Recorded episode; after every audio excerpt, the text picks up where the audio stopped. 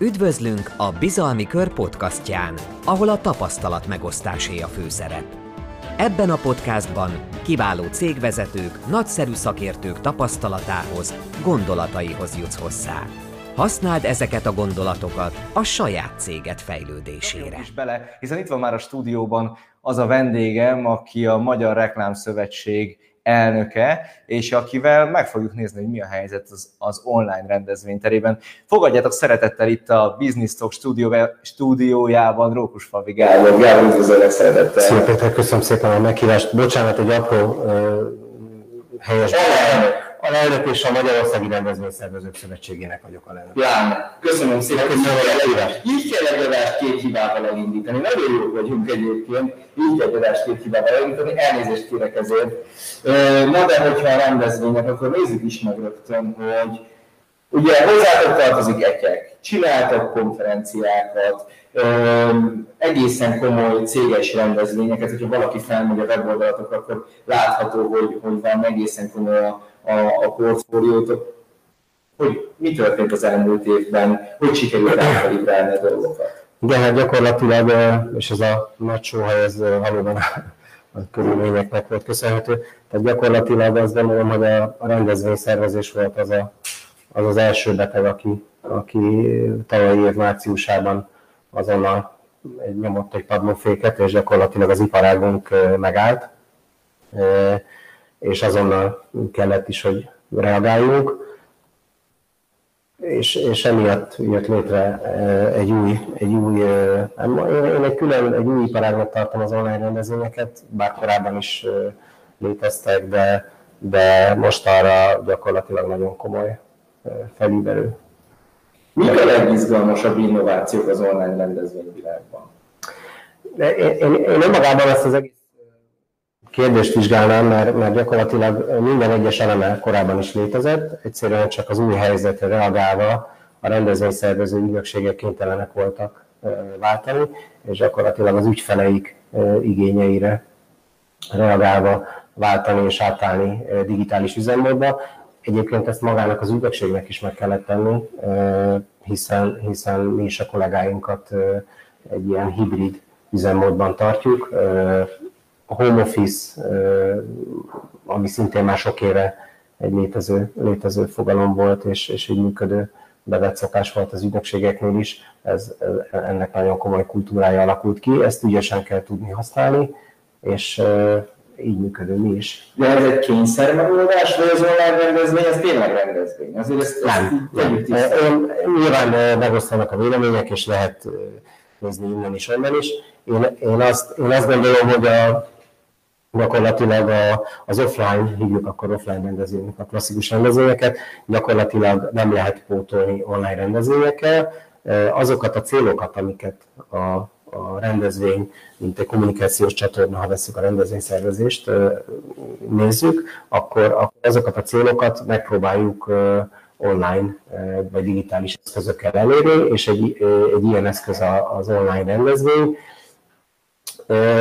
De, de hogyha picit belegondolunk, valahol a rendezvény szervezésnek, vagy magának a rendezvénynek az egyik, egyik alap, alap gondolata az, hogy kiszakadni a, a mindennapokból, vagy a hétköznapokból, és, és maga ez a platform, ez a kiszakadás, ez azért az online rendezvények esetében nem mondható el, hiszen, hiszen és most már egy éve mindenki a számítógép előtt ül, legyen az akár az egész gyerekeknél az online oktatás, vagy a, vagy a home office, vagy az online meetingek, tehát inkább, inkább én azt mondom, hogy, hogy kialakult egy nagyon komoly, és a vállalatoknak is valószínűleg ez, a, ez az irány, és ezt, ezt kell kezelni, hogy egy új online kultúra alakul ki. És ez nagyon fontos is, hogy szerintem ez egy hibás dolog, hogyha a rendezvényes eszközöket, vagy, a, vagy a, azokat a dolgokat, amiket a rendezvényeket megszoktunk, megpróbáljuk beleerőltetni az online térben, nem fog működni egyszerűen. Tehát teljesen más módon, tehát a figyelmet egészen más, hogy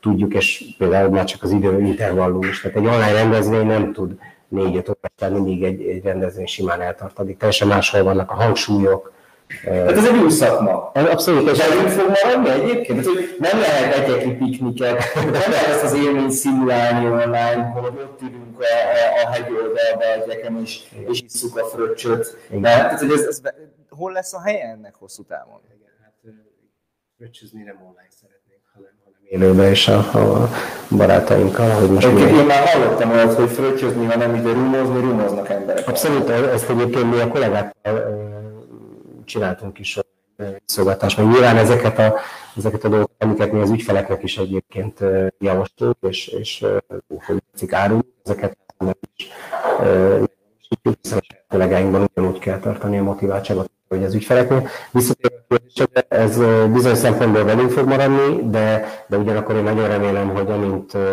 amint a szabályozás és a járvány engedi, úgy, úgy el tudjuk újra kezdeni az offline eseményeket, azokra óriási igény van, és, és nem tudja pótolni egyszerűen a digitális térbe ezeket nem lehet pótolni. Nagyon sok minden célt el lehet érni ott is, és ezt nyilván meg is kell próbálni, és meg is tesszük, de nagyon sok mindent pedig nem, és ezek, ezekre, ezekre majd offline lesz lehetőség. Kíváncsi leszek egyébként, hogy az elkövetkező évek mit hoznak az online rendezvényekre. Én például kifejezetten hiszek abban, hogy a, hogy a tudás megosztásra arra nagyon jó lesz az online. Abszolút. Mert a konferencián, amikor ott vagyunk, akkor a másikkal szeretnénk foglalkozni, nem az, aki a, a színpadról ugye a tutit, és erre szerintem jobb lesz az online. Ebben abszolút, a, bocsánat. Ja, igen, e- ebben igazabban nem véletlen, hogy például a teves események is már régóta hibrid verzióban történnek, illetve, és én is ezt gondolom, ezt vallom, hogy a konferencia esetében ez hosszan velünk fog maradni, vagy, vagy ez egy állandó sztori lesz, mint ahogy már korábban is volt,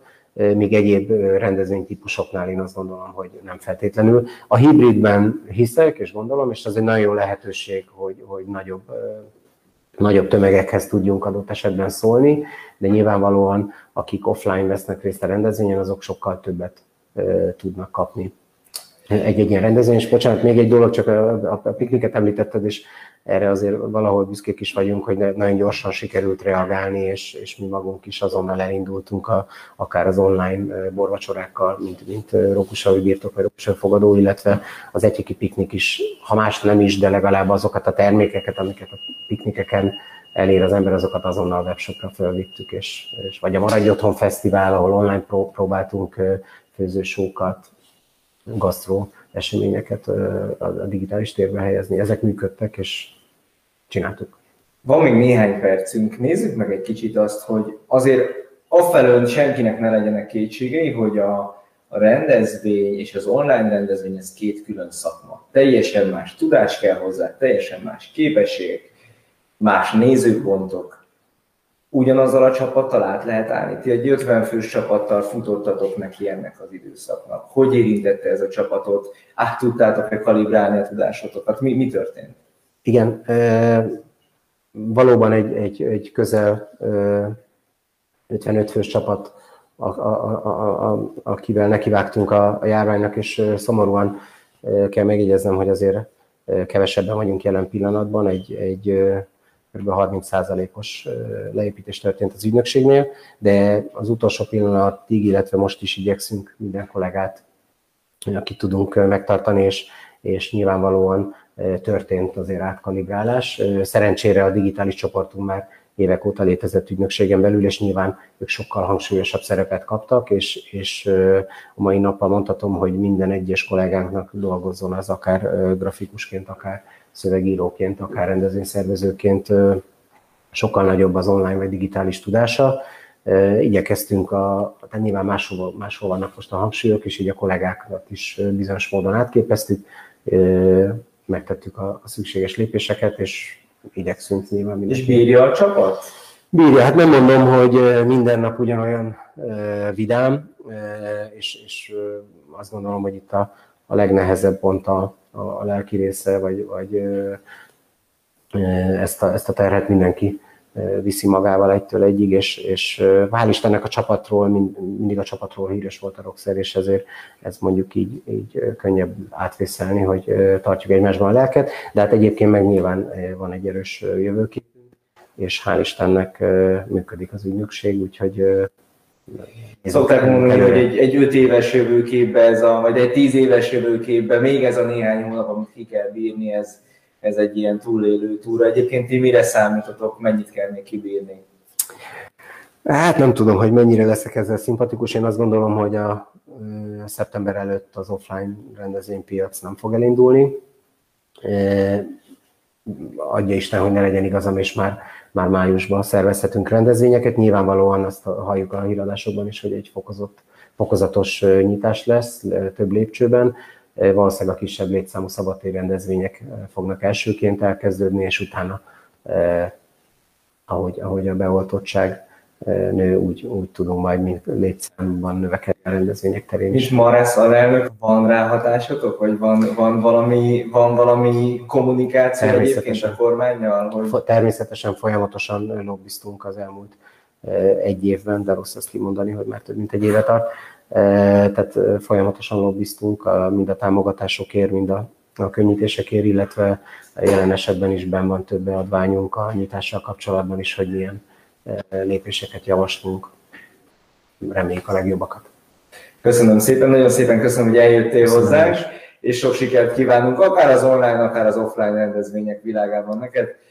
Nektek és az egész csapatnak, és kívánjuk, hogy minél hamarabb térjenek vissza az Köszönöm élő rendezvények, hiszen szeretnénk menni egy piknikre. Várunk titeket szeretettel. Reméljük értékes volt számodra, amit hallottál. Ha tetszett, oszd meg azzal az ismerősöddel, aki hallgatás közben eszedbe jutott. Vagy nézd vissza videó formájában a Bizalmi Kör Facebook csatornáján. Várunk vissza egy másik podcastban további értékes cégvezetői tapasztalatokkal. Üdvözlünk a Bizalmi Kör podcastján, ahol a tapasztalat megosztásé a főszerep.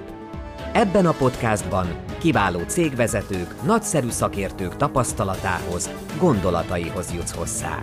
Használd ezeket a gondolatokat a saját céget fejlődésére. És tovább aktuális rovatunk van, ahol megnéztük, hogy mi a helyzet az online rendezvények világában, most pedig arról lesz majd szó, hogy mi a helyzet a lakásfelújítási programmal, hiszen az jól látható kormányzati szándék, hogy az ingatlanpiacot pörgetni kell, működtetni kell, és, és sok-sok pénzt kell vele pumpálni, és az elmúlt időszakban bombaként robbant a hír, hogy lakásfelújítási program van 3 plusz 3 millió forint, ez úgy már mindenkinek ott van a tudat alattiába, de hogy ki fér ehhez hozzá, mire lehet felhasználni, és mik az egészen különleges innovációk ebben a témában, ebben vendégem az Újház Centrum egészen pontos szeretnék lenni, az Újház Centrum igazgatóságának elnöke, Juhász Attila. Üdvözöllek Attila! Szia Peti, üdvözöllek!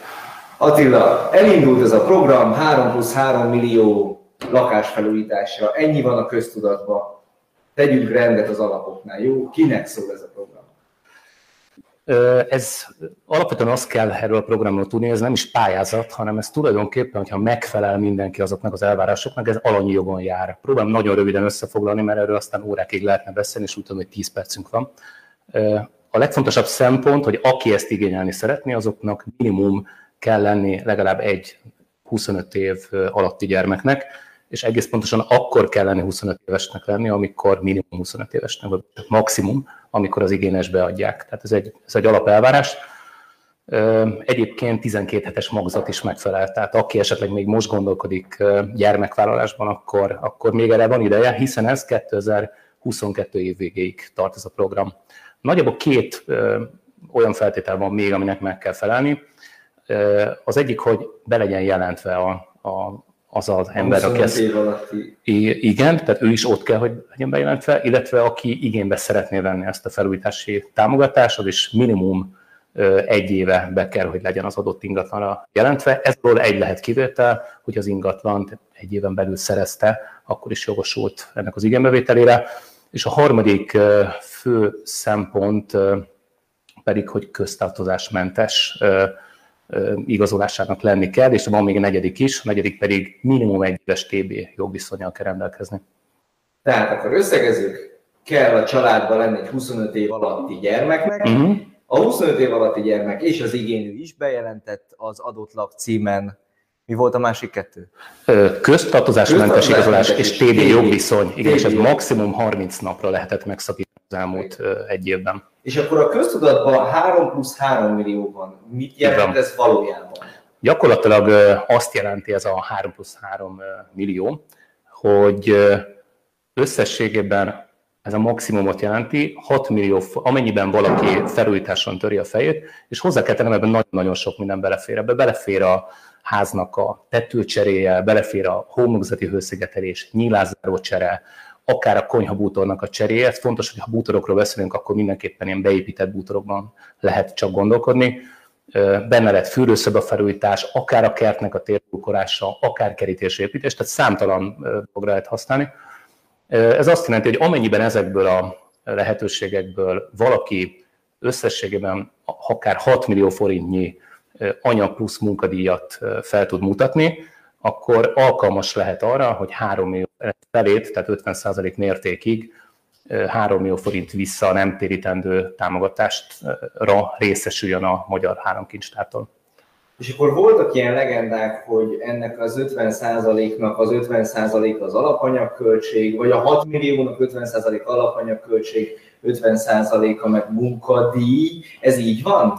Egész pontosan, igen, be voltak valóban félreértések az elején, mert azt kell tudni, hogy a támogatás összegének, ami ugye jelen esetben, ha ebből a példából indulunk ki, hogy 6 millió forint, az 3 millió forint a támogatás, annak a felének anyagköltségnek kell lenni, és a felének munkadíjnak kell lenni.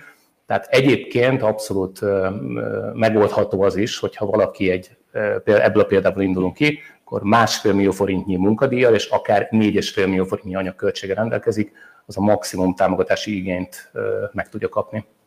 Ez nagyon jó hangzik. Hogyha ha szeretnénk elindulni ebben a, ezen a folyamaton, valakinek van egy ingatlanja, vagy egy nyaralója akár, és szeretné felújítani, szeretné nyilászárót cserélni, fűtést korszerűsíteni, akkor, akkor azért felmerül a kérdés, hogy oké, de ez milyen adminisztrációs igényekkel jár, hogyan, hogyan kellene egyáltalán nekifutni, mert oké, hogy bemegyek egy újházcentrum kereskedésbe és kiválasztom a megfelelő nyilászárót, na de hogyan jutok hozzá a támogatáshoz? Igen, igen, ez jó kérdés, és ugye mi magunk is feltettük ezt a kérdést az ügyfeleknek, amikor tavaly november környékén kikristályosodott ennek az egész támogatásnak a, a körvonala, akkor, akkor mi magunk is feltettük a kérdést az ügyfeleinknek, hogy, hogy mi az, ami nekik leginkább nehézséget okoz ennek az igénybevételénél, és, és hát alapvetően két dolgot jegyeztek meg. Az egyik a kivitelezőnek a megtalálása, ugye mindannyian tudjuk, hogy mennyire nehéz most jó és minőségi kivitelezőt találni, de megjelöltek egy, egy másik pontot, az pedig a, ez az administratív teher, és azért mindenki attól tart, hogy itt bonyolult igénylési, pályáztatási folyamatok lesznek, és, és mi úgy gondoltuk, hogy erre fogunk egy megoldást kínálni. Tehát kereskedő cégül egy kicsit szolgáltató cég. Hát igen, igen, igen, igen. Mi nagyon hiszünk abban, hogy önmagában az, hogy mi építanyagot értékesítünk, az hogy önmagában kevés, és valami plusz hozzáadott értéket kell találnunk ahhoz, hogy az ügyfelek minket válasszanak. És akkor mi lett ez a megoldás pontosan?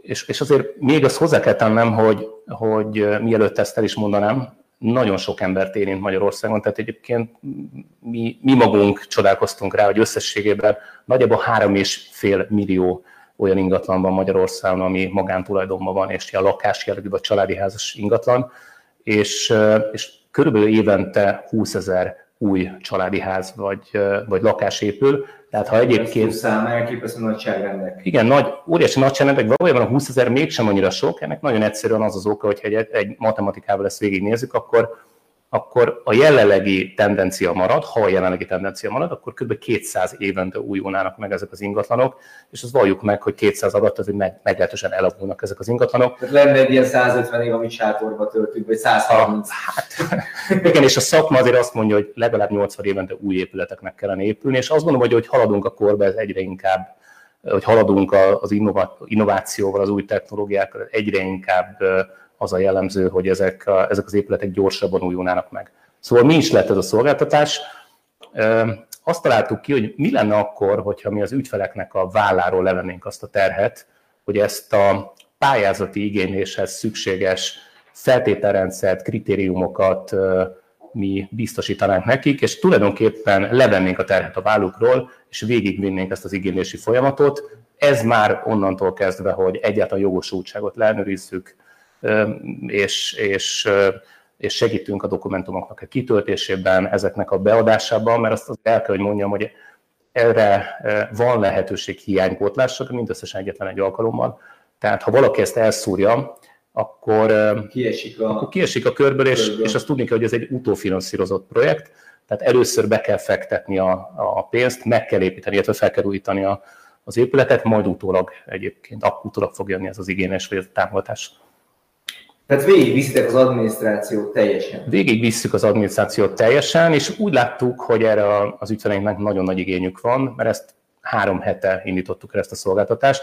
Felkonferálta, hogy én most milyen minőségében ülök itt, azt lehet, azért tisztában tenném nagyon röviden, hogy hogy valóban a fő feladatom az Újház Centrum igazgatóságának vagyok az elnök, ez egy országos építőanyag kereskedő hálózat, 80 telephely az országban, de mellett gyakorló építőanyag kereskedő is vagyok, nekem van egy saját építőanyag kereskedésem, Pest megyében. Ezt a szolgáltatást most pilotként a saját kereskedésemben indítottuk el. Egyébként most van terbevéve, hogy országos méretűre terjesszük ki, és én nagyon szeretném, hogy minden új háztelepen ez elérhető legyen. Először leteszteltük, hogy ez hogyan fog kinézni, de óriási az érdeklődéssel, nagyon nagy az igény, és azt látom, hogy, hogy ez, ki, ez fog működni országosan. Tehát akkor a konklúzió az, Igen. hogyha valaki ebbe szeretne belevágni, és szeretné azt a stresszt megspórolni magának, hogy, hogy a végén esetleg mégsem megy át a pályázata, vagy ezt az anyagi kockázatot, mert hogy ez a stressz az az anyagi kockázatból fakad, akkor egyszerűen, ha hozzátok megy be, akkor ti leveszitek a válláról ezt a terhet. Egész pontosan igen, be kell jelentkezni, ki kell tölteni egy,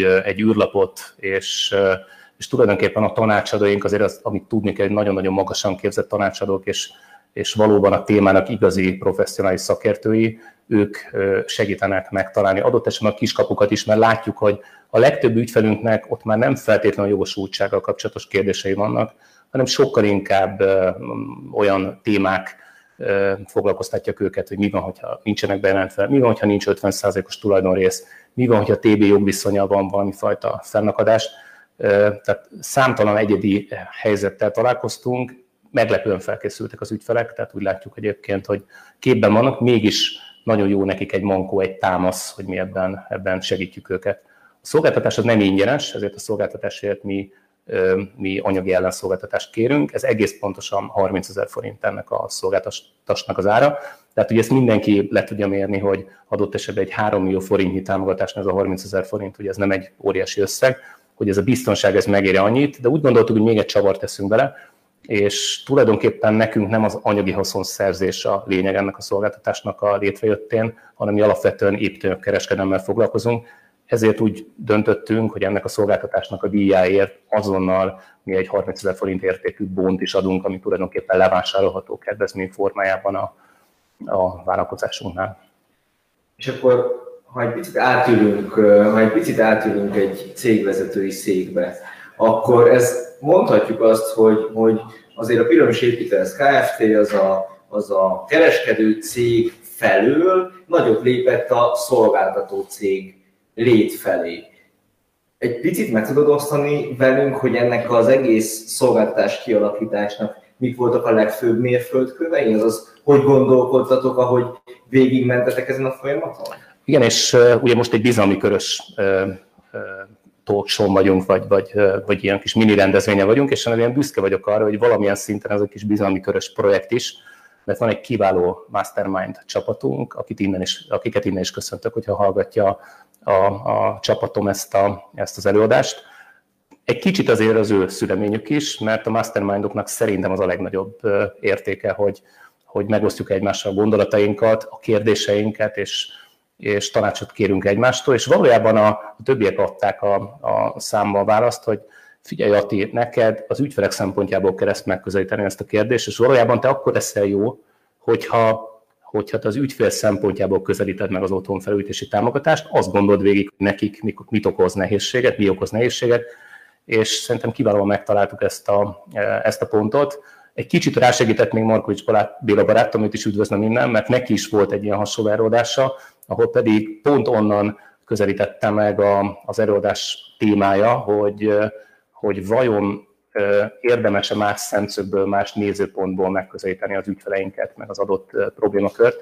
Most, most ezt tettük, és én bátran merem ajánlani minden vezetőtársamnak, hogy lépjenek ki abból a dobozból és abból a, abból a keretrendszerből, amiben most gondolkodnak, és ők hiába kereskedő cég, nyugodtan egy nagyon kis erőfeszítéssel, de, de ők kiváló szolgáltató cégé tudnak válni, és azt gondolom, hogy a, az ügyfeleknek ez az igazi hozzáadott érték, ezért fogják őket választani. Attila, nagyon szépen köszönöm, hogy eljöttél, és elmesélted ezt a, egyrészt magát a szolgáltatást, másrészt a, a, az innovációs útvonalnak a, a, a, bizonyos fontos lépéseit és hát kívánunk nektek sok sikert az elkövetkező időszakban. Köszönjük szépen. értékes volt számodra, amit hallottál. Ha tetszett, oszd meg azzal az ismerősöddel, aki hallgatás közben eszedbe jutott. Vagy nézd vissza videóformájában a Bizalmi Kör Facebook csatornáján. Várunk vissza egy másik podcastban további értékes cégvezetői tapasztalatokkal. Üdvözlünk a Bizalmi Kör podcastján, ahol a tapasztalat megosztásé a főszerep. Ebben a podcastban kiváló cégvezetők, nagyszerű szakértők tapasztalatához, gondolataihoz jutsz hozzá. Használd ezeket a gondolatokat a saját céget fejlődésére. Ami hasonlóan a rendezvénypiachoz, vagy az építőiparhoz az elmúlt évben az életünk rendkívül fontos részévé vált, mindent online rendelünk. És főleg most, amikor másodjára lezártak nagyon sok mindent, a ruhaboltok bezártak, és le, bezártak a plázák, szóval lehetne sorolni a zárásokat, akkor megint csak megnőtt az online térnek az ereje, a jelentősége.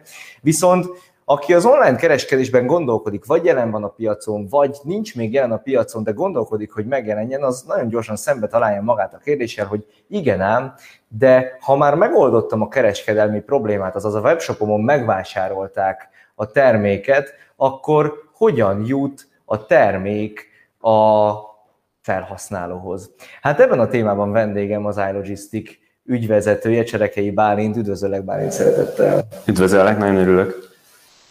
Kezdjük az alapoknál. Jó, ti egy fulfillment szolgáltatást nyújtó cég vagytok. Mit jelent ez a valóságban, a hétköznapokban? Most már azt tudom mondani, hogy maga a fulfillment is egy ismert fogalom, úgyhogy lehet, hogy nem kell nagyon részletezni, de ugye ez angol nevén a webshop logisztika, amit kiszervezett webshop logisztikai cégek nyújtanak webáruházaknak. Talán úgy tudnám röviden jellemezni a szolgáltatásunkat, hogyha te nyitsz egy webshopot, akkor felnyitod a számítógépedet, és az ország vagy akár a világ bármely pontjáról tudod üzemeltetni, függetlenül attól, hogy milyen terméked van, hány rendelésed van, mekkora készleted van, és hogy hány, hány követőd vagy visszatérő vásárlód van. Te igazából csak azt látod, hogy mennek a termékek, mennek az eladások, és jön a számládra a pénz folyamatosan, és arra kell figyelned, hogy beszerezd az árut, amit eladsz utána. Mert hogy ti tároljátok az árut, ti biztosítjátok azt, hogy a megfelelő módon eljusson a címzetekhez, mekkora határ kell ez? Hát attól függ, hogy hány ügyfeled van, és hogy, és hogy milyen jellegű ügyfelek azok, akiket lekezelsz. Mi kifejezetten a nagyobb forgalmú ügyfelekre specializálódtunk, de nagyon sok egyéni vállalkozó, induló webshop is van nálunk, akiknek leginkább a, a szállítási diakon, dobozköltségeken lévő mérethatékonyságból eredő spórolás a motiváció, amikor minket választanak.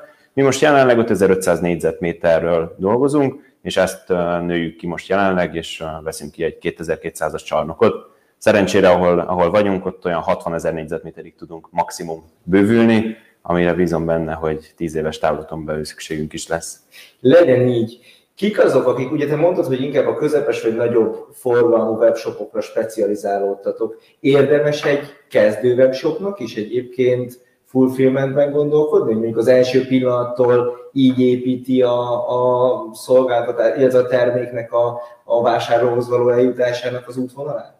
Hát, hogyha mondjuk szereted a családodat, és karácsonykor szívesen töltöd vele az idő, velük az időt, akkor például igen, de, de talán úgy mondanám, hogy ha szeretsz azzal foglalkozni, ami ez tényleg te kell lesz, és nem akarod, hogy szétaprózódja az amúgy szükséges, de nem feltétlenül te általad elvégzendő feladatok tömegétől, akkor kicsiként is, illetve nagyon sokat spórolnak, főleg a kicsik a, a, a közvetített szolgáltatásainkon. Tehát például ugye a szállítást is mi végezzük, de a vállalkozóval a vállalkozó futárcégekkel, ahol a volumen kedvezmények miatt óriási a differencia. Ahhoz képest, amit te mondjuk, ha most indítasz webshopot, el tudsz érni, nem tudsz letenni az asztalra kvázi még volument, amire kedvezményt adjanak, sőt a futása biztos, hogy kimegy hozzád napi egy-két csomagért, tehát neked kell mondjuk lebattyognod a depóba, ami nem annyira szerencsés.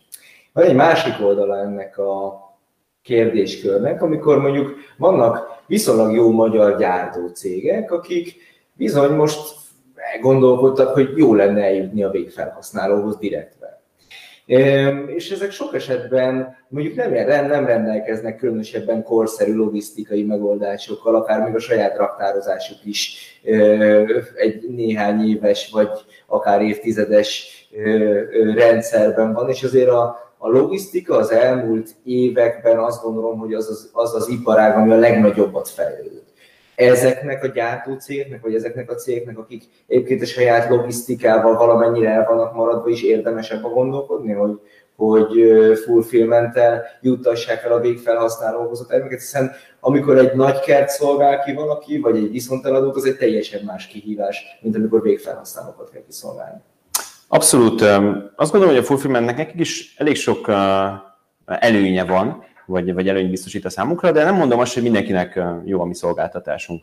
Tehát leginkább azt mondani, hogy, hogy meg lehet különböztetni akár gyártót, aki eddig nem is forgalmazott kisker ként ugye végfelhasználóknak, lehet akár olyat, aki már forgalmazott, de, de, de nem, nem nagy volumenben, és, és lehet, aki mondjuk kvázi most indul nulláról gyártóként is, tehát hogy nagyjából ezeket így külön lehet kategorizálni. Egy gyártónak nem mindig érdemes kiszervezni a logisztikáját, hogyha alapvetően minimum készletekkel dolgozik, tehát nem, nem raktároz, nem halmoz fel nagyobb készleteket, akkor nem biztos, hogy célszerű még egy raktárat, még egy készletet fenntartani. Ami nagyon jellemző, hogy, hogy akár nem is gyártókat, hanem nagy kereket, hogyha nézünk, akik most indítják a webshopot, és ez egyébként a jellemző, vagy az elmúlt évre ez volt a jellemző, hogy, hogy eddig volt mondjuk egy kereskedelmi egységük, de az kicsit berekedt, vagy akár csak a nagykereskedés kicsit, forgalma kicsit visszaesett, mert boltokat láttak el, és áttérnek arra, hogy saját webshop. Na ebben az esetben lehet, hogy van egy nagyon jó korszerű logisztikájuk, viszont nem webshop logisztikára vannak specializálódva. És lehet, hogy a webshop kiszolgálására elég lenne 20 négyzetméter, kisebb sétatávokat megtenni, de mivel egy raktáruk van, amiben targoncák és raklapok helyezkednek el, ezért 400 négyzetméteren kell óriási sétákat megtenni a komissiózóknak egy csomag kigyűjtéséhez. Ilyenkor például érdemes akár decentralizálni a logisztikát és kiszervezni, de nem minden esetben. Ugye vannak cégek, akik most már egészen komoly hangsúlyt fektetnek arra, hogy az ügyfél élményt az online térbe is személyre szabják. Lehet, hogy úgy szeretnék küldeni, hogy a csomag legyen piros szalaggal átkötve, és legyen rajta egy fotó a vásárlóról, mit tudom én. Mennyire lehet egy fulfillment szolgáltatás keretein belül személyre szabni a, a házhoz szállítás, hogy mennyire, mennyire rugalmas ez a, ez a történet? Na itt megoszlik a, a fulfillment piac, tehát hogy más fulfillment szereplőket is uh, ide vonatkoztatva vagy nézve. Ebbe mi kifejezetten erősek vagyunk, mivel nálunk minden egyes partnerünknek dedikált kapcsolattartója van, akinek le vannak adva az adott partner speciális csomagolási igényei, ezért nálunk van logózott ragasztószalag, van dobozra kerülő címke, logózott doboztól elkezdve személyes biotérkitöltő, ami lebomlik, és tudja kommunikálni a vásárló, hogy, hogy kvázi környezetbarát csomagolásban mennek ki a termékek. Tehát ebben mi erősek vagyunk, de ez nem általános. Tehát, hogyha például egy Amazont néznénk meg, akkor ő valószínűleg kinevetne, hogy azt mondanád neki, hogy akkor szeretnéd a, a brandedet feltüntetni a csomagoláson. A logisztika iparága úgy egész, egész évben tekintve elképesztő fejlődésen, robbanáson megy keresztül. Mik most az iparágok kihívásai, és egyébként mi az, ami esetleg benneteket érint ebből, vagy amire nagyon jó megoldásatok van? A növekedés mindenképpen, és, és, és a növekedéssel egy nagyon sok kihívás is társul és talán az, hogy, hogy általában úgy néztek ki az évek korábban, hogy mindig voltak felfutó időszakok, akkor egy hónapig nagyon megfeszült minden szervezet, és utána azért lehetett egy picit pihenni. Például mondjuk a, mondjuk a Black Friday karácsonyi időszaka. Mi, mi nagyjából tavaly átéltük azt, hogy, hogy áprilisban elindult egy olyan időszak, mint az előtti év Black Friday, és december 27-én, tehát karácsony után néztünk magunk körül, fél öt körül a raktárról, hogy most először van 8 vagy 10 hónapja az, hogy hogy akkor most kész van minden, és, és nem kell túlórázni, nem kell lehet takarítani, rendet rakni. Tehát, hogy ez egy nagy kihívás volt a, a, a növekedés lekezelése, és ez, ez szerencsésen nagyon sok hely és nagyon sok munkaerőkapacitását rendelkezésünkre, hogy tudjuk követni a piaci igényeket, de talán ez lehetett a, a legnagyobb kihívás általánosságban, ami a logisztikára hatással volt. Köszönöm szépen, hogy ellátogattál hozzánk, és sok sikert kívánunk nektek a jövőben. Nektek pedig, hogyha webshopot üzemeltettek, akkor javaslom, hogy nézzétek meg azt, hogy mekkora hozzáadott értéke van egy fulfillment szolgáltatásnak, hiszen elképesztő könnyebbség az, hogyha nem kell a termékek csomagolásával és a kiszállítás gyötrelmeivel bajlódni, hanem foglalkozhatok azzal, hogy a webshop forgalma, az, e- az a lehető legnagyobb legyen. Már nagyon szépen köszönjük, hogy itt voltál ma velünk. Reméljük, értékes volt számodra, amit hallottál. Ha tetszett, oszd meg azzal az ismerősöddel, aki hallgatás közben eszedbe jutott. Vagy nézd vissza videó formájában a Bizalmi Kör Facebook csatornáján. Várunk vissza egy másik podcastban további értékes cégvezetői tapasztalatokkal.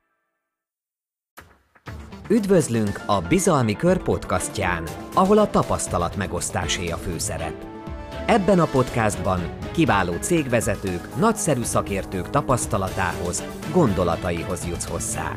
Használd ezeket a gondolatokat a saját céged fejlődésére.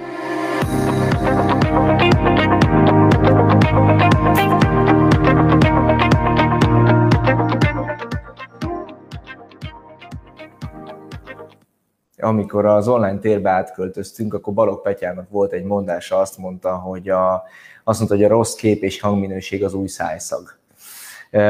Valami ilyesmi a helyzet az online térben, de nem sokára majd visszatérünk az offline térbe, és megnézzük, hogy ott mi a helyzet ezzel a problémával, de nem a szájszag problémájával, hanem azzal, hogy például az önbizalommal teli mosoly az mennyit tud adni egy sikeres üzleti tárgyaláson. Na hát ebben a témában beszélgető partnerem, az Implant Center ügyvezető tulajdonosa, Horváth Ferenc, kapcsoljuk is őt be az adásba.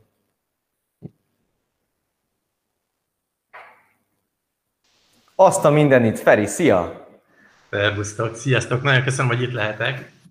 És uh, Implant Központ Buda, a volt fegyverfogászat, amilyen van Implant Center is, ahhoz nincs között. Aha ütök, de semmi probléma. Megelőlegeztem, megelőlegeztem ezt. Egy, egy ilyen április elsői adásban kettő ilyen hibát elvétni, ez, ez nem tudom másra fogni. Április elsője van, elnézést kérek.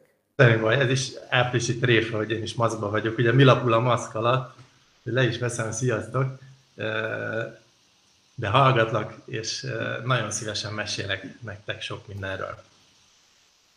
Feri, Induljunk el onnan, induljunk el onnan, hogy van, van, egy ilyen, van egy ilyen általános kérdés, ugye üzleti világban élünk, tárgyalunk, találkozunk egymással, és azért az üzleti világban mosoly az egy elég fontos bizalomépítő eszköz. Mondhatjuk így? Nem tudom, mondhatjuk-e így, majd te megmondod.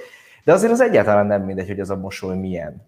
És itt most nem csak az természeti adottságokról beszélek, hogy kinek milyen a fogsora, hanem hogy az ápoltság kérdéséről, hogy mennyire ápolt. Ti mit tapasztaltok? Milyen kihívással fordulnak felétek a, az emberek, amikor ezt a kérdést maguknak felteszik? Inkább az ápoltság kérdését szeretnék fejleszteni, vagy inkább az adottságokat szeretnék kompenzálni? Nagyon-nagyon jó kérdés. Én úgy gondolom, hogy a mai világban elengedhetetlen az, hogy kinek hogy néz ki a mosolya, és nem csak az üzleti életben, üzleti tárgyalásokon, de tényleg az első benyomást egyszer telt az ember, és a, a mosoly egy, egy óriási erőt ad, és egy óriási eszköz a kezünkben, ami a tudatalattinkban is nagyon-nagyon komolyan tud működni. Nagyon sok páciensünk egyébként azért keres fel, hogy segítsünk neki helyrehozni, hogy az önbizalmát elvesztette, és hogyha mosolyát rendbe tesszük, akkor nagyon nagyot tud előrelépni az élet minden területén. Rengeteg sztori van, óriási mosolyátváltozások születnek, és tényleg ezáltal életek változnak meg. Az üzleti életben ugye egy bizalmi körös interjú vagyunk. Én úgy gondolom, hogy ugyanúgy, ahogy pár héttel ezelőtt Bihari Ádám, egyébként ős páciensünk, Bihari Ádámmal a stílusról beszélgettetek egy, egy nagyon-nagyon jót. Én úgy gondolom, hogy a mosoly ugyanúgy az ápoltság, és részben a stílus része. Tehát a hollywoodi mosoly, ami mindenkinek az álma, az ma már abszolút elérhető mindenkinek, és ma már tényleg nyilván hozott anyagból dolgozunk, bocsánat a kifejezésért, de, de szinte bármit meg tudunk ma már csinálni. És ez most nem csak azt mondom, hogy pénzkérdése, meg időkérdése, de ha valaki a, a leg, leg, legszebb mosolyt szeretné megcsinálni, akkor, akkor azt is megcsináljuk. Hozzáteszem, én azt szeretem személy szerint, és a csapatomnak is a legtöbb tagja, amikor valakinek a mosolyát úgy tudjuk helyreállítani, hogy egy természetes mosoly legyen, hogy akár még egy fogorvost is becsaphasson a mosolyával, szeretjük belevinni az anatómiai természetességeket, tehát, hogy nem mindenkinek kerítés léc legyen a foga, fültől füli kófehér mosoly, persze legtöbben erre vágyunk, és, és ezt szeretnénk. Az üzleti életben én úgy gondolom, hogy óriásit lehet előrelépni. A mai világban talán egy picikét jobb, vagy, vagy, vagy fejlődik ez a dolog Magyarországon is. Sajnos nagyon rosszak a tapasztalataink. Tényleg vannak milliómos, mondjuk milliárdos üzletemberek, akik olyan fogazattal és olyan mosolyjal mennek be tárgyalásokra, hogy csoda tényleg, hogy ezt elérték, mert nyilván zseniális emberek, de én úgy gondolom, sokkal könnyebben elérhették volna a sikereiket, hogyha előtte rendbe tetetik a fogaikat és a mosolyukat. Tényleg van számos példa rá, és én úgy gondolom, hogy ma már ez nem pénzkérdés. Sajnos Magyarországon is, mint nagyon sok országban, a mosoly, az emberek fogai, illetve a fogaink és a, az egészségünk ezáltal nagyon-nagyon az utolsók között van. E, mindenki gyönyörű szép, csodaszép autókba jár, öltönyökbe, órákba, egyebekbe, de, de hogy azt gondolják az emberek, hogy a, át a mosoly az, oké, okay, félünk a fogorvostól, fú, az egy ördögtől való dolog, fájni fog, rossz lesz, mindenki parázik, van egy ilyen rész is persze, de, de én úgy gondolom, hogy ma már bármikor bármit meg tudunk csinálni. Ugye kettő mondás jut eszembe, az egyik az a kimutatta a foga a, a, másik pedig, a másik pedig ez a, az nem mondás, inkább csak ilyen anekdota, vagy, vagy ilyen, ilyen általános hozzáállás, ez az emberek nagyon félnek a fogorvostól. Kezdjük ezzel, jó, hogy mennyire kell félni a fogorvostól egyébként. Tehát azért ahhoz, hogy valakinek úgy igazán szépé váljon a mosolya, az egy nagyon komoly meló tud lenni. Én, ha csak a saját tapasztalatomból indulok ki, nekem viszonylag késő 25 éves koromba került föl a fogszabályzó, és majdnem négy évig fönn volt, és kör, tehát nem az orvosom múlt, egyszerűen ma nem vagyok teljesen elégedett az eredménnyel, és így is nagyon küzdős volt. Azt mondott közben, hogy bármeddig el lehet jutni mi az ára ennek a bármeddignek? Kell arra számítani, hogy nagyon fájdalmas út ez, vagy vannak ma már valami korszerű új technológiák, amik ezt a fájdalmasságot tudják csökkenteni? Én úgy gondolom, hogy ma már a fogászati érzéstelenítések olyan, olyan szinten vannak, hogy szinte a legnagyobb műtéteknél is minimális kellemetlenséget lehet érezni. Mindenki fél a fájdalomtól, én azt mondom, rossz a marketingünk ilyen szinten, mert utálják a fogorvosokat, és mindenki fél a fájdalomtól, de én úgy gondolom, hogy már azért több száz, több ezer páciensünknél rácáfoltunk, hogy lehet azért fájdalommentesen végezni nagyon-nagyon sok mindent, akár még egy foghúzást is, eh, akár egy előkészítést, akár egy fogbeültetést, egy csontpótlást. Eh, tény és való, hogy eh, ilyen nagyobb csontműtétek után azért az első egy-két-három napban azért van kellemetlenség és van fájdalom is, de erre vannak a fájdalomcsillapítók. Tehát maga a műtéttől, vagy, vagy bármilyen beavatkozástól alapvetően én azt mondom, hogy félni nem kell, eh, mert a fájdalom az, az abszolút érzéstelenítő szerekkel nagyon-nagyon jól kiküszöbölhető. Ma már az érzéstelenítő injekciót is el lehet érzésteleníteni, tehát erre is van számtalan módszer, és, eh, de mégis nagyon-nagyon sok páciens eh, továbbra is fél. Nálunk az a tapasztalat, hogy aki egyszer bizalmat szavazott nekünk és eljött hozzánk, ő utána általánosság, hogy már volt egy kezelése, ő utána már tényleg, mint a hazajárna, és boldogan jön, és, és nem, tehát nincs az a félelem, mint amikor az első alkalommal volt, vagy ahogy az első alkalommal került hozzánk. De, de amitől az emberek jobban félnek, és amiért jobban halogatják az egész fogászati kezelést, az az, hogy hogy, hogy fog kinézni a kezelés után. Lesz-e bármilyen ideiglenes fogpótlása? Mi az esetek 99%-ban csinál, 99%-ában készítünk ideiglenes fogpótlást helyben a rendelőnkben, és ez azért nagyon-nagyon fontos, mert eh, ma már nem mondhatjuk azt, hogy hát most azért nem tudok elmenni a fogorvoshoz, mert nem, nem engedhetem meg, hogy utána 3-4 hétig nem lesz fogam, nem tudok mosolyogni. Persze mondhatjuk, hogy most a maszka divat, de ennek is előbb-utóbb vége, remélhetőleg minél előbb.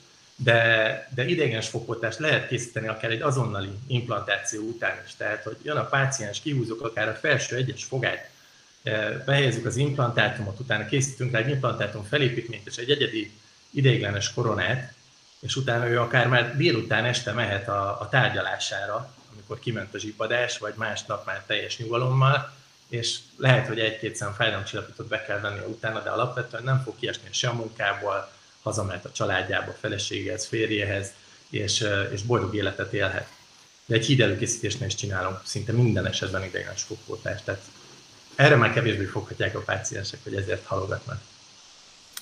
És ha már, a, ha már arról esett szó, hogy, hogy mennyire, mennyivel könnyebb ma már, vagy mennyivel kevésbé fájdalmas eljutni egy fogorvoshoz, azért nézzük meg azt, hogy te mit javasolsz egyébként otthon, mit tudunk tenni azért, hogy, hogy bocsánat, de hogy ne kelljen elmenni hozzátok. Nagyon-nagyon sok mindent, sőt, szoktam is mondani pácienseinkhez, ha mi bármilyen fogpótlást készítünk, ahogy mi kevesek vagyunk, hogy ez egy életen át működjön, ahhoz az kell, hogy a páciensek igenis megbecsüljék a fogaikat, a fogpotlásaikat, és nagyon-nagyon gondosan tisztítsák. Nálunk egy egyedülálló módszerrel négy havonta hívjuk vissza a pácienseket kontrollra, pontosan azért, hogyha bárhol bármi probléma elkezd kialakulni, akkor ezt időben fel tudjuk fedezni, és hogyha valakinél a fogtisztításban találunk olyan apró terület, amit, területet, amit ő nem tud annyira jól tisztítani, addig-addig súlykoljuk beléjük, és mutatjuk meg, és gyakoroltatjuk be a különböző kis mozdulatokat, amivel, amíg tisztán nem tudja tökéletesen tartani a fogait, illetve a fogpotlását. Tehát erre ma már számtalan módszer van. Tehát a fogsejem használata azt mondom, hogy sajnos még mindig nagyon-nagyon nagyon kevés embernél látom rutinszerűen alkalmazva, és nagyon-nagyon fontos, hogy fogsejmezzünk is, ne csak fogat mossunk. És ami még fontosabb, hogy a fogköztisztító keféket is ma már nagyon könnyen el lehet érni. Nyilván jó, hogyha megmutatjuk legalább egy szájhigiénikus legjobb, hogyha a parodontológus megmutatja, hogy mit hogy kell kezelni, mit hogy kell használni, a fogközöket hogyan lehet jól tisztítani, és hogyha ezek a tisztítási mechanizmusok rutinná válnak, akkor utána már hiányozni fognak, hogyha ha elhagyjuk, kihagyjuk az életünkből. Ugyanúgy kell váljon, bocsánat, mint az, hogy fölveszünk egy fehér inget, tehát, hogy megmossuk a fogunkat alaposan, és, és tényleg úgy menjünk oda egy üzleti tárgyalásra, hogy, hogy igen, ha megborotálkoztunk, akkor legyenek rendben a fogaink is. De tényleg eh, sajnos az a tapasztalat, hogy még kontrollokra is nehezen jönnek el a páciensek, mert eh, minden más fontosabb. Az autónkat érdekes módon elvisszük évente kétszer gumicserére, elvisszük szervizbe, tankoljuk, lemosatjuk, de mondjuk azt, hogy a fogaim szép fehérek legyenek, ragyogjanak, ne legyen rajta fogkő, és akkor még a szájszagról nem beszéltem. Eh, tehát, hogy, hogy tényleg nagyon-nagyon fontos, hogy, hogy igenis legyen meg az igényességünk, és legyen meg az igényünk, hogy elmenjünk a fogainkat rendben tartani. Mert az egészségünknek ez egy része. Igen, tehát hogy aki, aki tárgyalt már olyannal, aki, akinél a, a fogsor komoly hogy mondjam neked, komoly hiányosságokat mutatott, az, az, az érzi azt, hogy, vagy az érezte azt, hogy ez tárgyaló partnerként egyébként borzasztó kellemetlen, mert egyrészt baromira vonza a tekintetet, másrészt az ember nem akar oda nézni. És, és tényleg mondható egyébként, hogy valamilyen szempontból ez, a, ez az outfit része, hogy igen, szép legyen a fogsorunk, és legyen ez rendben.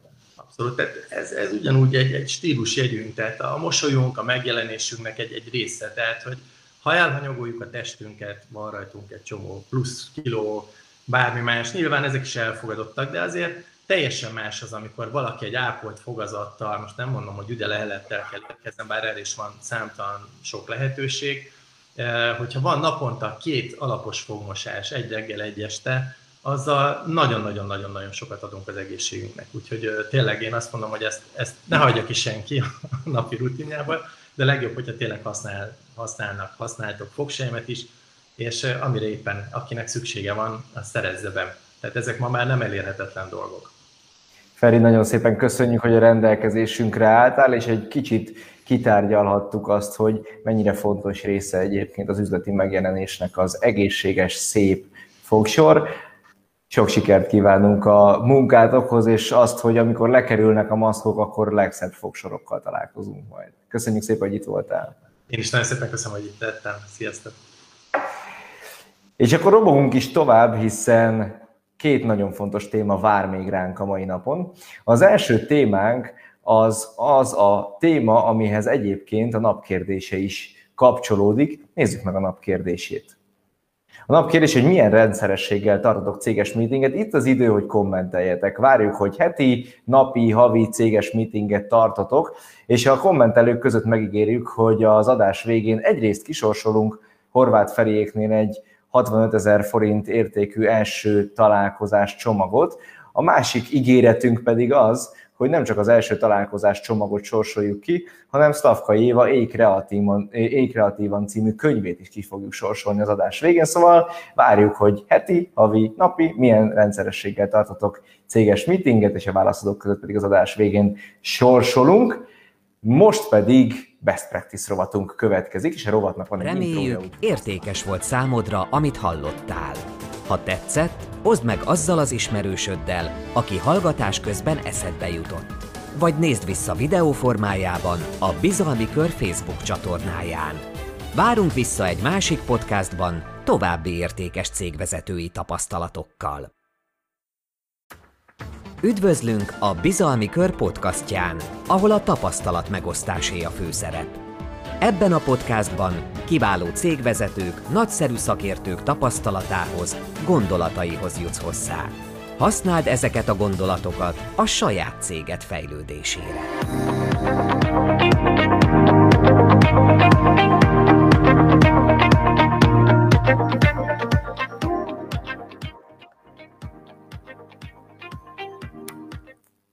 Best Practice rovatunkban pedig vendégem Sárközi András, a Grossmasters Kft. ügyvezetője. Ővel úgy találkoztam, hogy a LinkedIn-en valamilyen komment szekcióba összekapcsolódtunk, ahol nagyon felkeltette az érdeklődésemet az egyik kommentjével, ami, ami nagyjából arról szólt, hogy ő neki van egy szuper forgatókönyve arra, hogy hogyan kell jó heti gross meetinget tartani.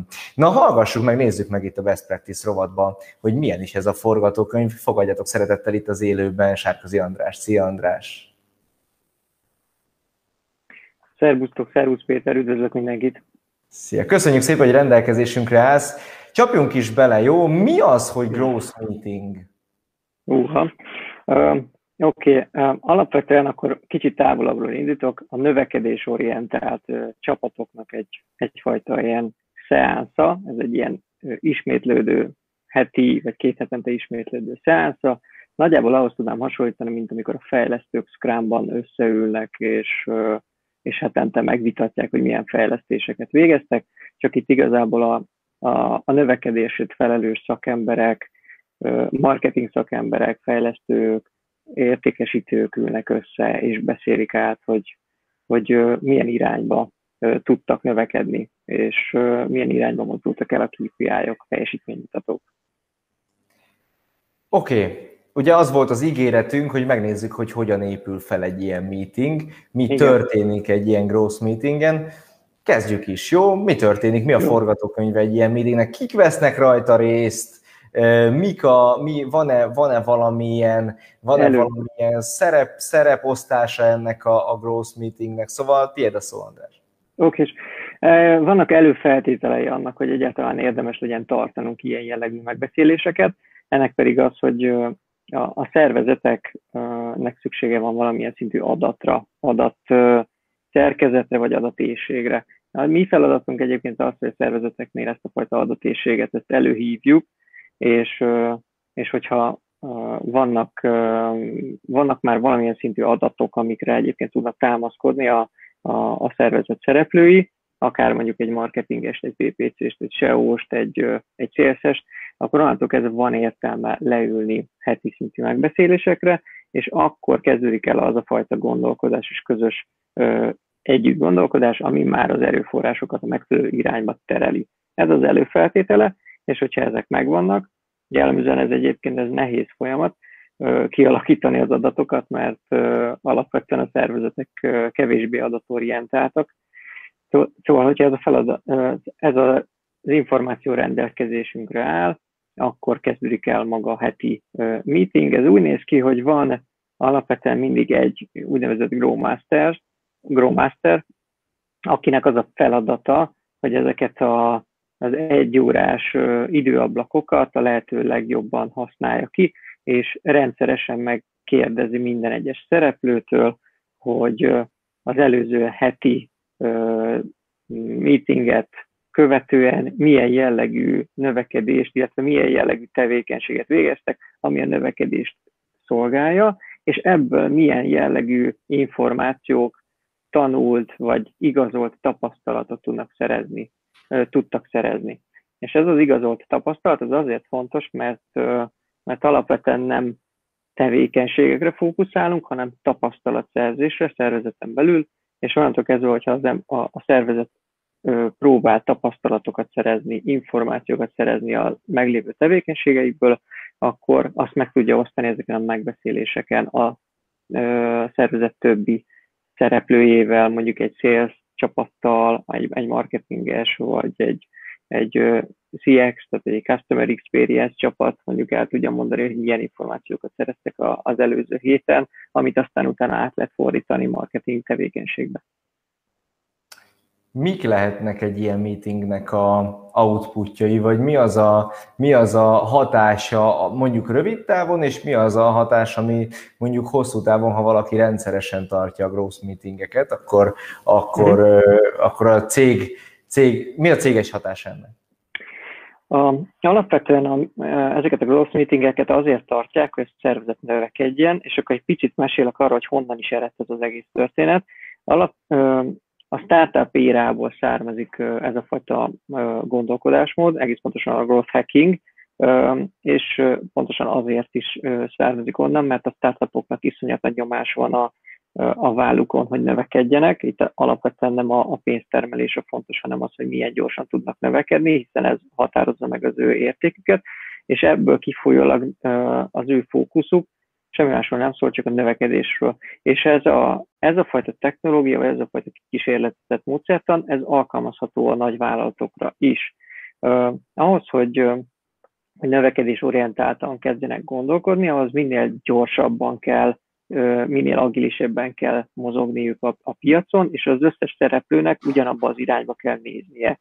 Ez azt jelenti, hogy fontos, hogy, hogy mindenki lássa a saját KPI-ját, és lássa a szervezet általános célját, és hogyha ezek a célok jól meg vannak határozva, akkor a, a szervezeten lévő erőforrások azok egy irányba fognak nézni, és a kommunikáció egy picit felgyorsul. Ez a fajta felgyorsult kommunikáció pedig ö, adja magát a garanciát arra, hogy növekedjenek. Mondok egy példát a Twitternél, ö, amikor a heti kísérleteket elkezdték növelni, vagy két hetente végeztek ilyen growth meeting típusú kísérleteket, és elkezdték növelni két hetente kettőről heti tízre, akkor kezdett el megnőni a Twitternek igazából a népszerűsége. Ezek nagy vállalatokról, nagy vállalatok által kikísérletezett módszertanok, amit gyakorlatilag bármelyik szervezet tud alkalmazni, hiszen nem, nem, egy, nem egy csodafegyverről van szó, csak pusztán arról van szó, hogy a meglévő erőforrásokat hogyan használjuk ki a lehető legjobb módon, és hogyan hekkeljük meg a, a jelenlegi rendszert. Hát sok, so, igen, tehát hogy a, a, azt hiszem, hogy talán az egyik legfontosabb kérdés, amit ez érint, az a cégnek a hatékonysága, hiszen ha jól sejtem, vagy jól értem, akkor ez az a, ez az a heti meeting mondjuk, ami, ami minden héten ahhoz tesz hozzá, hogy bizony a cégünk hatékonyabban, gyorsabban tudjon növekedni, és a KKV szektor egyik legnagyobb kihívására, a hatékonyság problémára tud választ adni. Mi, kik azok, akik Magyarországon, ugye te vezetsz egy mastermind csoportot is, aminek ez a témája. Kik vannak, milyen cégek vannak ebben a csoportban, itt most nem titkokra vagyunk kíváncsiak, hanem úgy általánosságban kik az early adopterei ennek, hiszen ez még nem egy széles körben elterjedt módszertan. Kik az early adopterek, akik, akik már használják és sikere használják Magyarországon? Um, vezetünk egy ilyen, ilyen mastermindot, ami egyébként nem publikus, ennek több is van. Remélem nem mondtam nagy üzleti nem, titkot. Nem, a, a mastermind az publikus, csak hogy a szereplőket általában nem Tiszta sor. kibeszélni. Jellemzően is ez tök érdekes, hogy minket valahogy a fintech szektor megkedvelt, és a fintech szektorban is a, az 500 millió és a 3 milliárdos árbevételű szervezetek, vagy annál magasabb szervezetek, ahol egyébként több marketing szakértő is van, vagy marketinges van a szervezeten belül, tehát van egyfajta csapat, akivel lehet dolgozni, ők kezdik el érezni azt, hogy, hogy esetenként rossz a marketing csapatoknak a megítélése.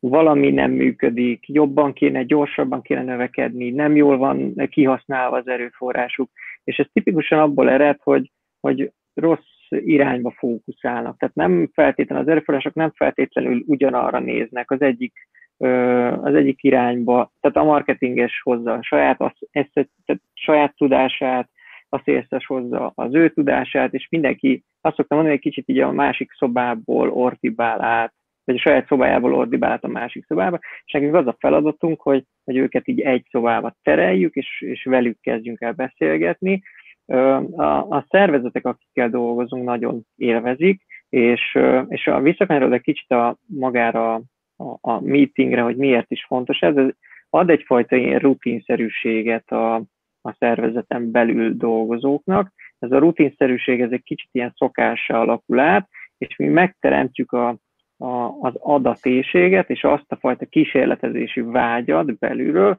ami utána ilyen öngeresztő folyamat során gyakorlatilag mindig felteszik maguk a kérdést, hogy hogyan tudnánk ebből tanulni, hogyan tudnánk ezt letesztelni, akkor teszteljünk egy, egy hírlevelet, legyen az AB tesztel, most csak egy ilyen nagyon egyszerű példát mondom, de hogy ez elmehet egy olyan szintű irányba is, ahol a teljes monetizációs stratégiát kell végig zongoráznunk, és annak a, a tapasztalatszerzését kell végig vezetnünk, és és valójában onnantól kezdve, hogy, hogy bevezetünk egy ilyen fajta rutinszerű cselekedetet, már nem azon van a fókusz, hogy, hogy a marketinges mit csinált, a széltes mit csinált, hanem azon a fókusz, hogy hogyan tudjunk növekedni, és mi kell ahhoz, hogy ezt a növekedést elérjük marketing fronton, sales fronton, customer experience fronton, UX fronton, termékfejlesztés fronton, és ez önmagában iszonyatosan nagy energiát tud felszabadítani, vagy adni, löketet adni maguknak a szervezeteknek. András, nagyon szépen köszönjük, hogy mindezt megosztottad velünk, és sok-sok nagy növekedést megérő szervezetet kívánok nektek. Köszönöm szépen, hogy itt voltál ma velünk. Én is köszönöm a meghívást. És akkor utolsó rovatunk, ahogy mindig, a könyvajánló rovatunk. Reméljük, értékes volt számodra, amit hallottál. Ha tetszett, oszd meg azzal az ismerősöddel, aki hallgatás közben eszedbe jutott vagy nézd vissza videó formájában a Bizalmi Kör Facebook csatornáján. Várunk vissza egy másik podcastban további értékes cégvezetői tapasztalatokkal. Üdvözlünk a Bizalmi Kör podcastján, ahol a tapasztalat megosztásé a főszerep. Ebben a podcastban kiváló cégvezetők, nagyszerű szakértők tapasztalatához, gondolataihoz jutsz hozzá. Használd ezeket a gondolatokat a saját céged fejlődésére.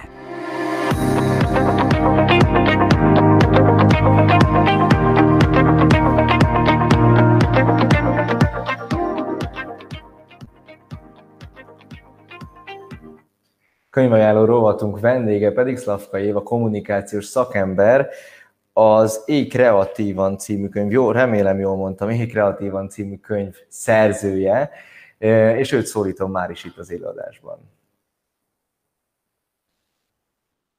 Üdvözöllek, Éva!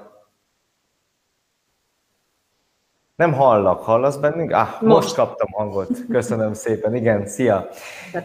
Kezdjük az elején, jó? Mert hogy itt a növekedésnél hagytuk abba Andrással, és nyilván a növekedésnek egy nagyon-nagyon fontos kérdése, vagy a növekedése kapcsolatos az egyik legfontosabb kérdés, hogy mennyire tudunk kreatívak maradni.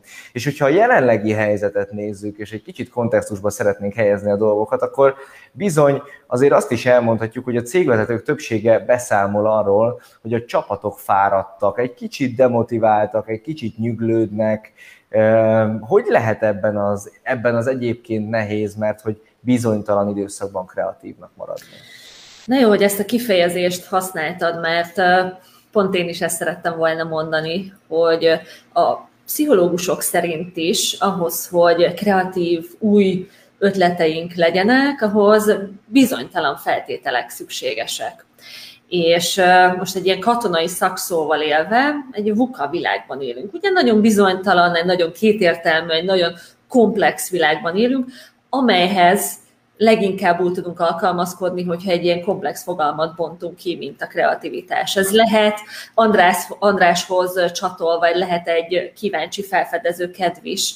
Én nagyon szeretem használni rá a, a mentális energiát, hiszen ez egy ez az állapot egy, egy újító erővel feltöltő energia igazából. Rengetegféle definíció létezik, de talán amire manapság leginkább tudjuk használni az az, hogy próbáljuk a dolgokat különféle nézőpontból tekinteni, mivel a tegnap problémáira nem működnek, a, vagy hát a tegnap megoldásai nem működnek a ma problémáira. Ennyire exponenciálisan gyorsan változik a világ eddig azt gondoltuk, amíg el nem jött a 2020-as év, ugye a pandémiával, addig azt gondoltuk, hogy hát ez biztos csak így a negyedik ipari forradalom, ami, ami most alakul, ugye digitális átállás, sokkal szépen lassan majd átállunk, és alkalmazkodunk ehhez a gyors technikai változásokhoz, viszont a pandémia megmutatta nekünk, hogy nagyon gyorsan kell változtatnunk, nagyon rugalmasnak kell lennünk, nagyon nyitottnak kell lennünk az újfajta helyzetekre, és olyan szemüvegeket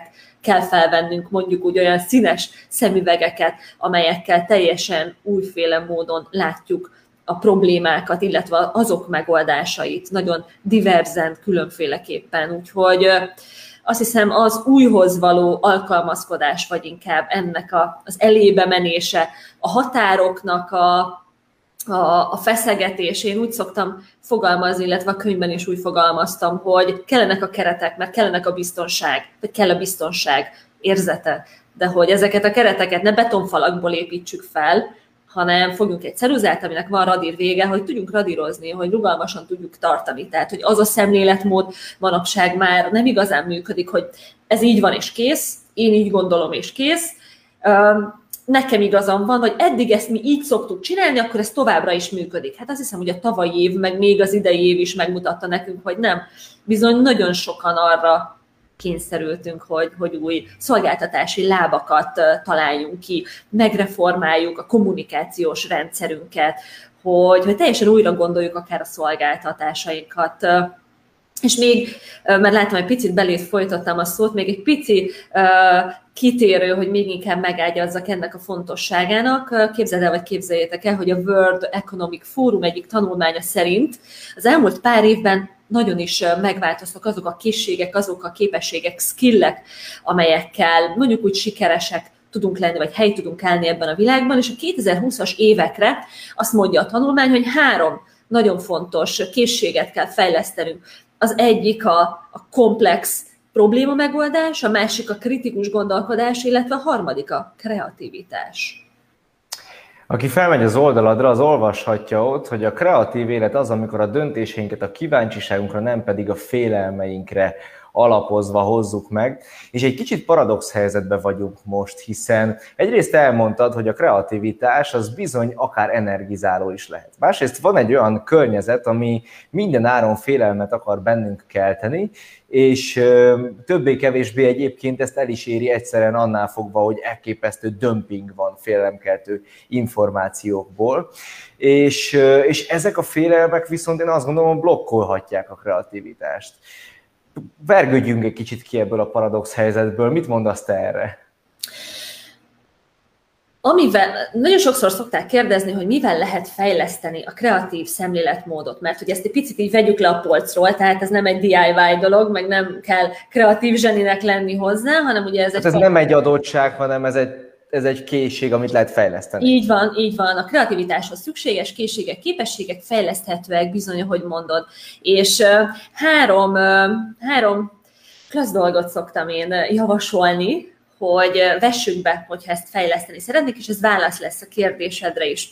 Az egyik, hogy legyünk nyitottak az új dolgokra, és keressük az új dolgokat. Mindegyik egyébként oda csatornázódik be, hogy, hogy miként tudunk ezzel a helyzettel megbirkózni, illetve honnan tudjuk a, a, a kreatív ingereket az életünkbe csempészni. Ugye ehhez kell egy bizonytalan környezet, az most megvan, vagy bizonytalan helyzet, de hogyha nincs, mi is megteremthetjük ezt tudatosan, hogy új szituációkba tesszük magunkat.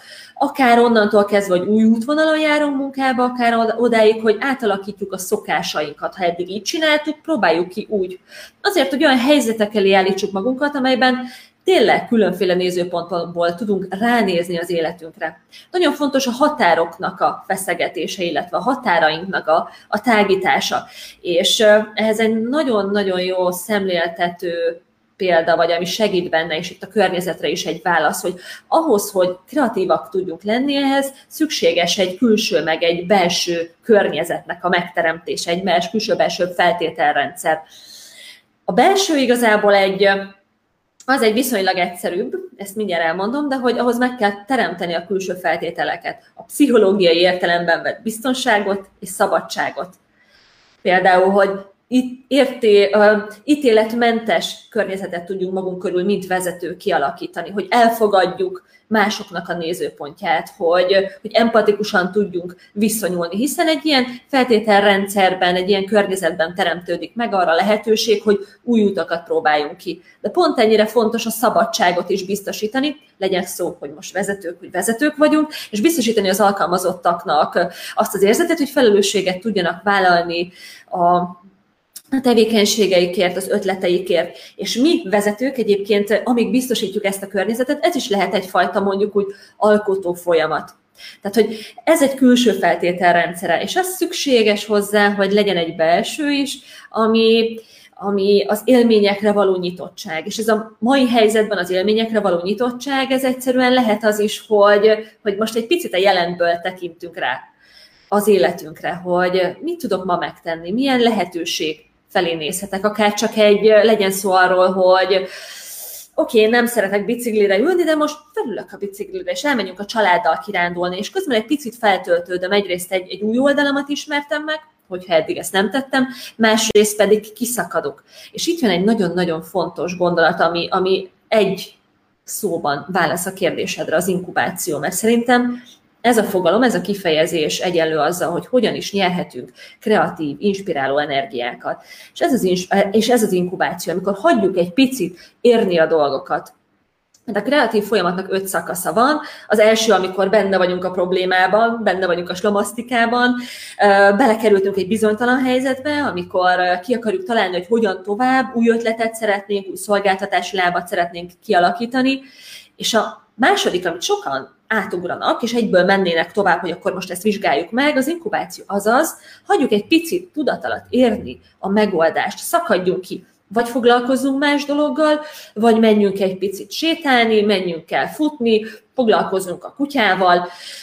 A legjobb ötletelő meg feltöltődő helyszínek egyébként statisztikák szerint az a zuhany, vagy sétálás, vagy a, a futás, illetve a kocsma is benne van, de az most nem igazán jöhet szóba a bár vagy a barátokkal való feltöltődés.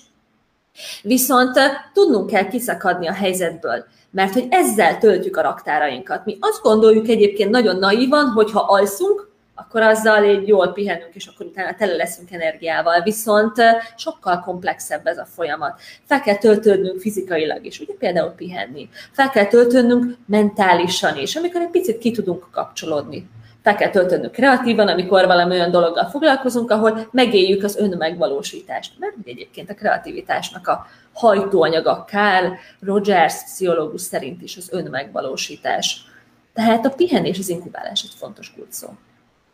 Ez, az, ez, a, ez a népi bölcsesség szerint az alszunk rá egyet, ugye? Tehát, Igen. hogy ez a valami, valami ilyesmi lehet. Képzeld el, hogy az elmúlt időszakban egy olyan, olyan ö, egyszerűen azt vettem észre, hogy, hogy rendkívül sok dolgot csinálok ilyen robotüzemmódba, vagy rutinból. És akkor elkezdtem azt játszani, néhány hónappal ezelőtt, hogy tudatosan, ha egy, eddig egy adott helyre A útvonalon mentem, akkor csak azért is B útvonalon kezdek menni, stb. stb. És hogyha egy, ha eddig A ételt választottam egy étterembe, akkor most online B ételt rendelek ugyanattól az étteremtől. Hiába szeretem nagyon az A ételt. Mert hogy egyébként az ember nagyon gyorsan a szokásainak a rabjává válik, és ha már népi bölcsesség, akkor egyébként a népi bölcsesség azt mondja, hogy a szokás rabja, azaz nem biztos, hogy ez egy jó pozíció, és ebből szakadhatunk ki talán a kreativitás által. A könyvedben egyébként erről írsz?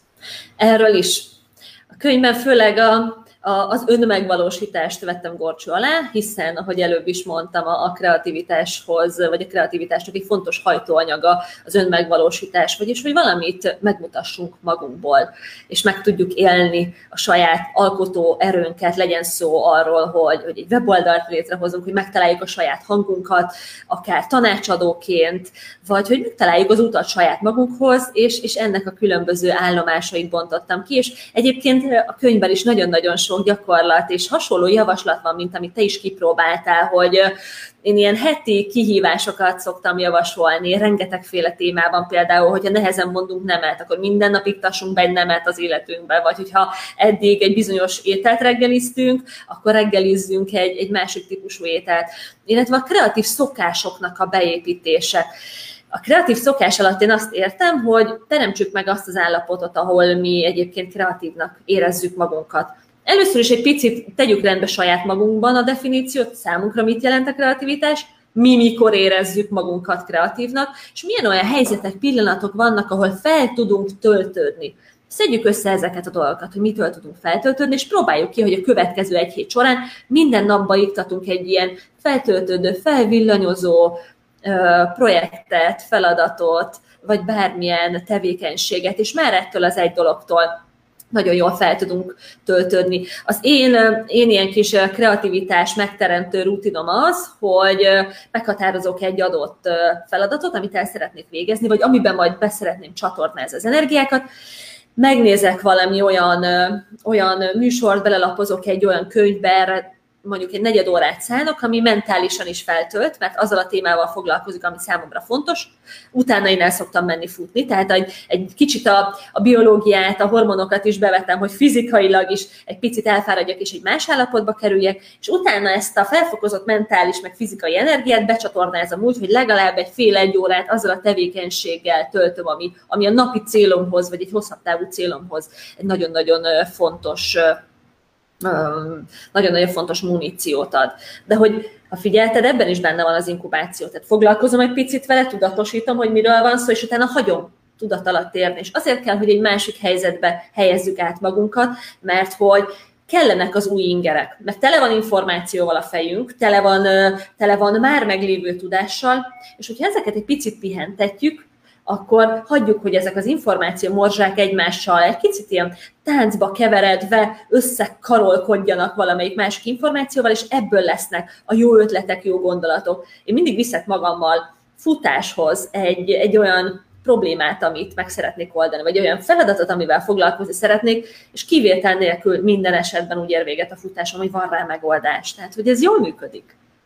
Jó neked, én az általában az összeset el szoktam vinni, jó esetben egyet-egyet le tudok tenni futás közben. Nos, én kreatívan ez tehát Szlavkai Éva könyve, hogy akik kommenteltek eddig, de válaszoltak a nap kérdésére, ők tudják majd megnyerni ezt a könyvet az adás vége felé. Éva, nagyon szépen köszönjük, hogy ellátogattál hozzánk így a virtuális téren keresztül, és beszélgethettünk egy jót a kreativitásról. Köszönjük szépen, hogy itt voltál. Ez volt tehát már a Business Talks, így április 1 azért, mert kettő beszélgető partnerünk titulusát eltévesztettem, ezért elnézést kérek így az adás vége felé is. Megpróbálom ezt kompenzálni azzal, hogy sorsolok nyerteseket. Nézzük, hogy kik a nyerteseink. Az elmúlt hónapban volt egy nyereményjátékunk, egy havi nyereményjátékunk, ami Trust Summit jegyért ment. A havi nyereményjátékunkban játszókat ebbe a szuper, nem is tudom mibe kancsóba kaptam én meg, kinyomtatva, és sorsolok is a nyertesek között. Nagyon kíváncsi vagyok, hogy itt lesz-e velünk most élőben, ha nem, akkor őt majd értesíteni fogjuk. A Trust Summit jegy nyertese Mihalcsik István, úgyhogy ő az, aki, ő az, aki a Trust Summiton majd részt tud venni a elmúlt hónap nyereményeként, és akkor van egy mai nyereményjátékunk, a mai nyereményjátékunkban pedig akik játszottak, azok közül az első találkozás csomagot Branstetter tíme nyerte, a É című könyv nyertese pedig Horváth Ferenc. Ö, sok szeretettel küldjük tehát nektek ezeket a szuper ajándékokat. Köszönjük szépen, hogy ma is velünk tartottatok itt a Business Talks-ban. Most usgyi ki a szabadba, menjetek futni, töltsétek a a kreatív energiákat, mert hogy itt a tavasz, és ez olyan jó. A hosszú hétvégéhez nagyon jó pihenést kívánok mindenkinek, áldott húsvétot, és jövő héten érkezünk újabb szuper témákkal, újabb szuper vendégekkel, hiszen ez itt a Business Talks, a Bizalmi Kör heti üzleti talkshow ahol mindenről szó esik, ami egy cégvezető számára fontos. Köszönjük, hogy itt voltatok, sziasztok! Havi nyereményünket a következő hónap első adásában sorsoljuk ki azok közt, akik ebben a hónapban bármelyik adásban kommentelnek, valamelyik reakciógombra nyomnak, vagy az adást megosztják.